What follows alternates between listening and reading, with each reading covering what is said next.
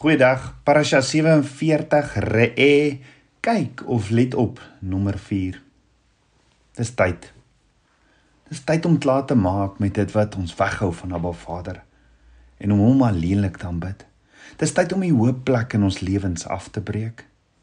In Deuteronomium 12 openbaar Abba Vader sy hart om vir ons, sy kinders te verduidelik hoe belangrik dit is om net hom alleenlik te aanbid, soos hy voorgeskryf het. Hy het begin om vir die kinders van Israel te sê dat hulle al sy gebooie moet onderhou wanneer hulle in die land die droom wat hy nog altyd vir hulle het kom wat hy aan hulle gaan gee wat hy hulle gaan gee. Hulle verhouding met hom en sy teenwoordigheid in hulle midde is gebaseer op hierdie opdrag om sy weë in sy weë te volg. En daar staan in Deuteronomium 12 vers 1 tot 4: Dit is die insettinge en die verordeninge wat julle sorgvuldig moet hou in die land wat Jahweh die God van julle vaders jou gegee het om dit in besit te neem. Al die dae wat julle op die aarde lewe, julle moet terdee verniel al die plekke waar die nasies wat julle gaan verdrywe, hulle gode gedien het op die hoë berge en op die heuwels en onder elke groen boom. En Julle moet hulle altare omgooi en hulle klippilare verbrysel en hulle heilige boomstamme met vuur verbrand en die gesneede beelde wat hulle gode omkap en hulle naam van die plek laat verdwyn. So mag julle nie doen met Jahwe julle God nie. Met ander woorde, Abba Vader sê om al die plekke waar die nasies wat hulle verdrywe, daar waar hulle hulle gode gedien het, op die hoë berge en op die heuwels en onder elke groen boom, Hulle moet dit heeltemal vernietig. Appa Vader hou nie van vreemde gode nie. Maar dink daaroor. Hoekom moet hy ons herhaaldelik daaraan herinner? Of wat het vreemde afgodsaanbidding in Hebreëus avodah zara so aantreklik gemaak en en hoekom was dit so vernietigend dat Abba Vader so so baie keer sy instruksies herhaal om nie vreemde gode afgode te aanbid nie? In Deuteronomium 12 maak Abba Vader dit baie duidelik. Hy hou nie van vreemde afgodsdiens nie, maar ook dat ons hom nie moet aanbid op enige manier of rituele wat vir avodah zara gebruik is nie.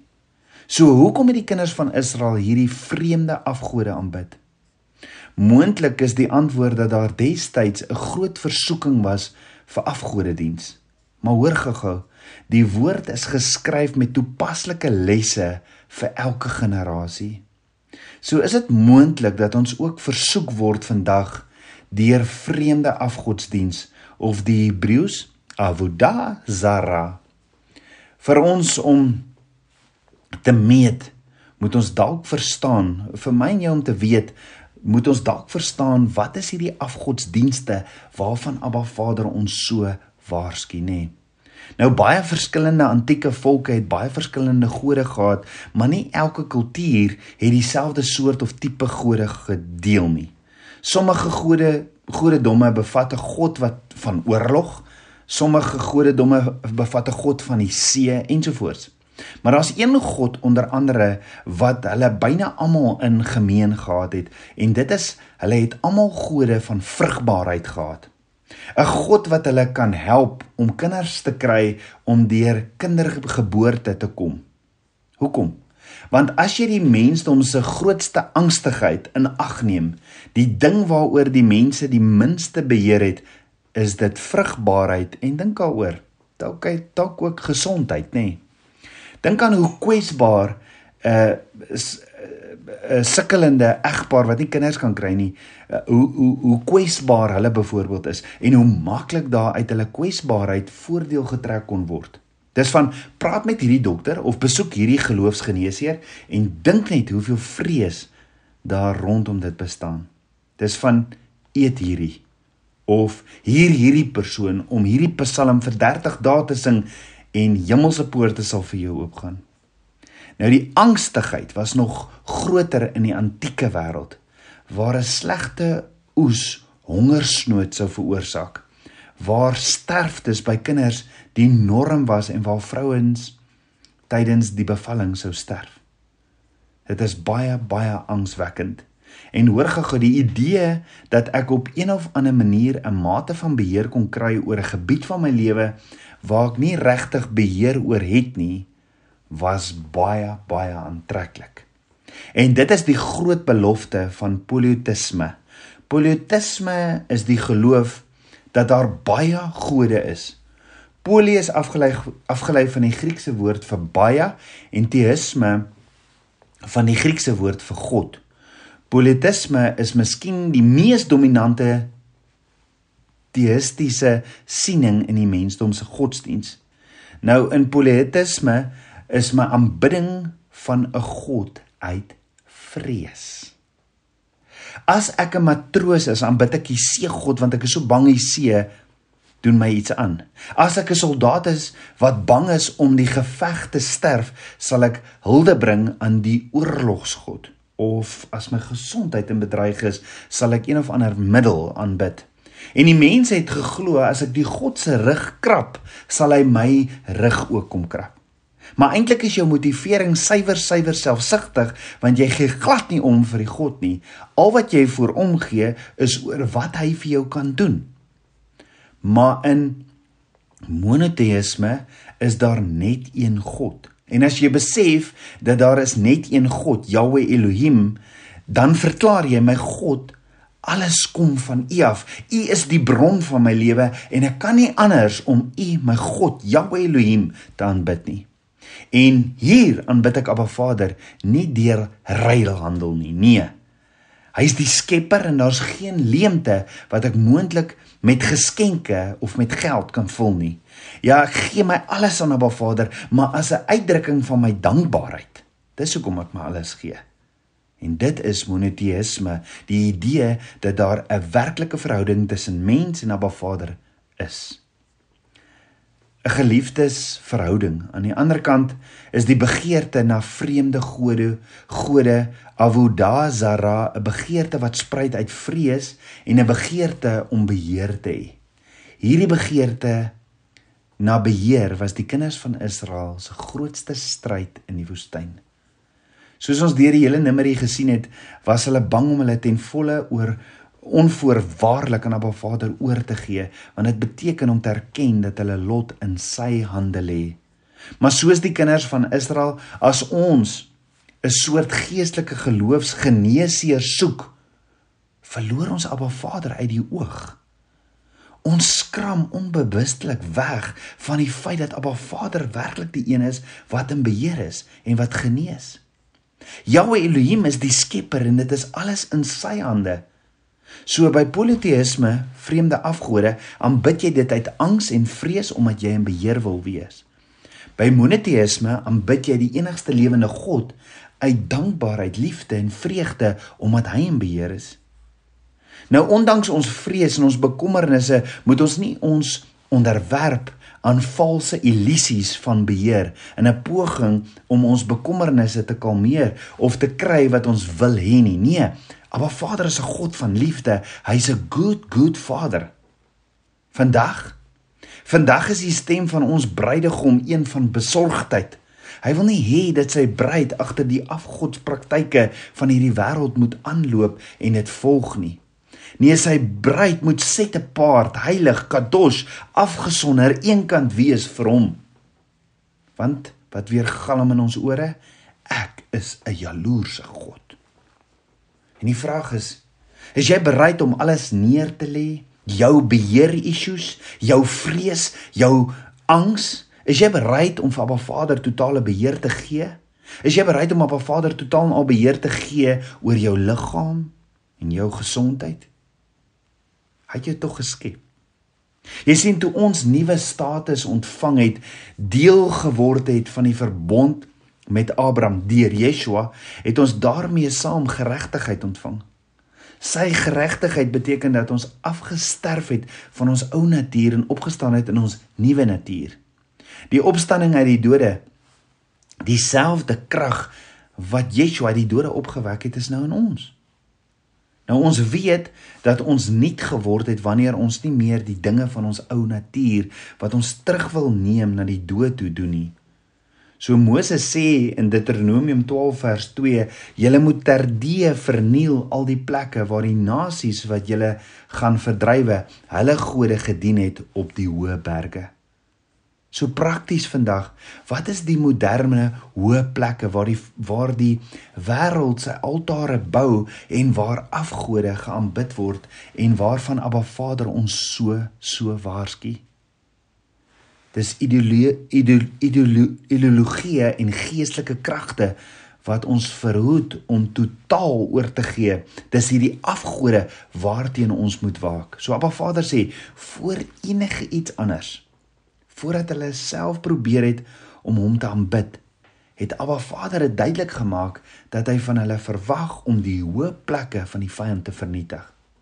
En ons weet hierdie gebod was 3000 jaar gelede nie net vir die Israeliete, vir die kinders van Israel gegee nie. Nee, dit is lewendig en praat vandag nog met my en jou. Abba Vader leer my te veel gelowiges, te veel van sy kinders besef nie hoeveel hoogtes, high places hulle nog in hulle lewens verdra nie. Ons besef nie hoe hoeveel hoë berge met afgodsdiens van die heidene daar verdra word nie. As ons Abba Vader se tabernakels kinders is het ons nodig om ons harte te ondersoek om vas te stel wat hierdie hoogtes eintlik is omdat dit meeding met die enigste ware Elohim magtige regter van ons lewens. Miskien is die hoop plek of high places wat jy verdra in jou lewe dalk alkohol, dalk rook. Moontlik is dit seksuele sonde of om selfs sarkasties te wees of om ander te verneder, dalk stilstype of dalk is dit woede. Elkeen van ons weet in ons diepste wese waar ons swakhede is en wat ons verhinder om ons volle potensiaal in hom te benut. Dit maak nie saak waarmee jy worstel nie. Jy moet daardie hoogtes, daardie high places afbreek en weier om toe te laat dat hulle jou ondergeskik maak en jou verhoed om jou volle seën in Abba Vader te ontvang. Ek kan dit nie beter stel as wat Moses self doen in Deuteronomium 12 12 vers 4 waar Moses sê so mag julle nie doen met Jahweh julle God nie. Met ander woorde, ek kan nie Abba Vader met sulke dinge aanbid nie. En dan sê Moses in Deuteronomium 12 vers 8, julle moenie doen wat reg is in julle eie oë nie. Hoekom nie? Want sien die aard van die mens is om te doen wat ons dink die regte ding is in 'n gegeewe situasie in plaas daarvan om op 'n Vader se woord te raadpleeg, om hom te ken in alles. Dit beteken dat voordat ons iets gaan doen, ons eers moet uitvind wat hy van ons verwag om te doen en hoe hy van ons verwag om dit te hanteer of te doen. Maar Vader het sy woord gevul met illustrasies en instruksies wat betrekking het op elke moontlike situasie waarin jy kan dink om vir ons 'n patroon te gee, 'n bloudruk van hoe om situasies wat ons ook al beleef te hanteer.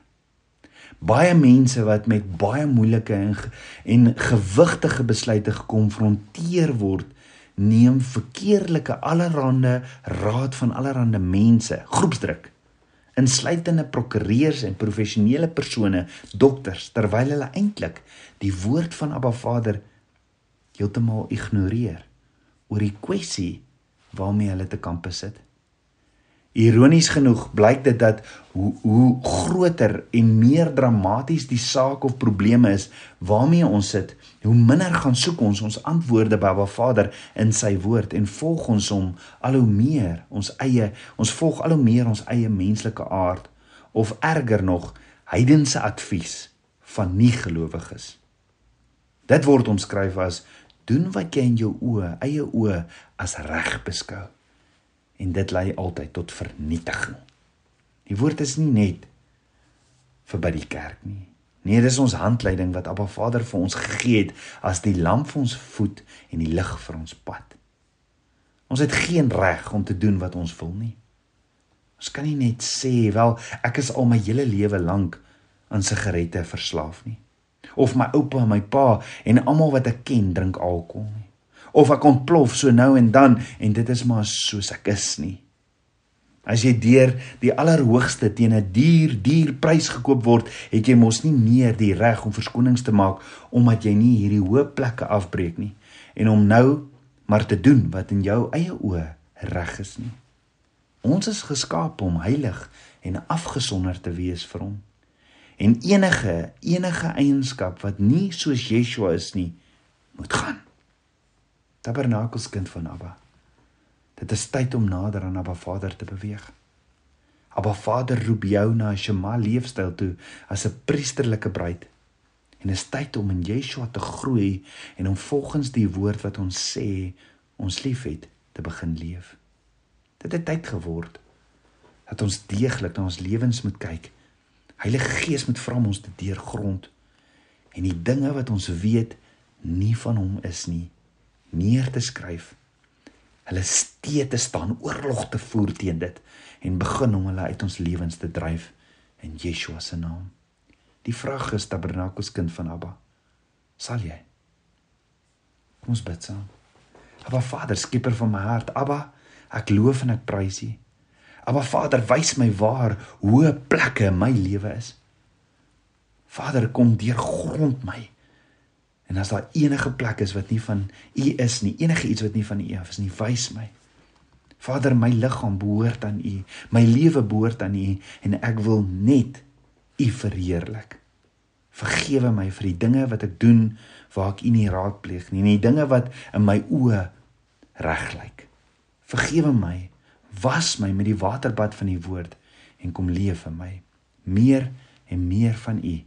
Ek bid dit alles in Yeshua Messie se naam, die seun van Jahweh. Amen. Shalom.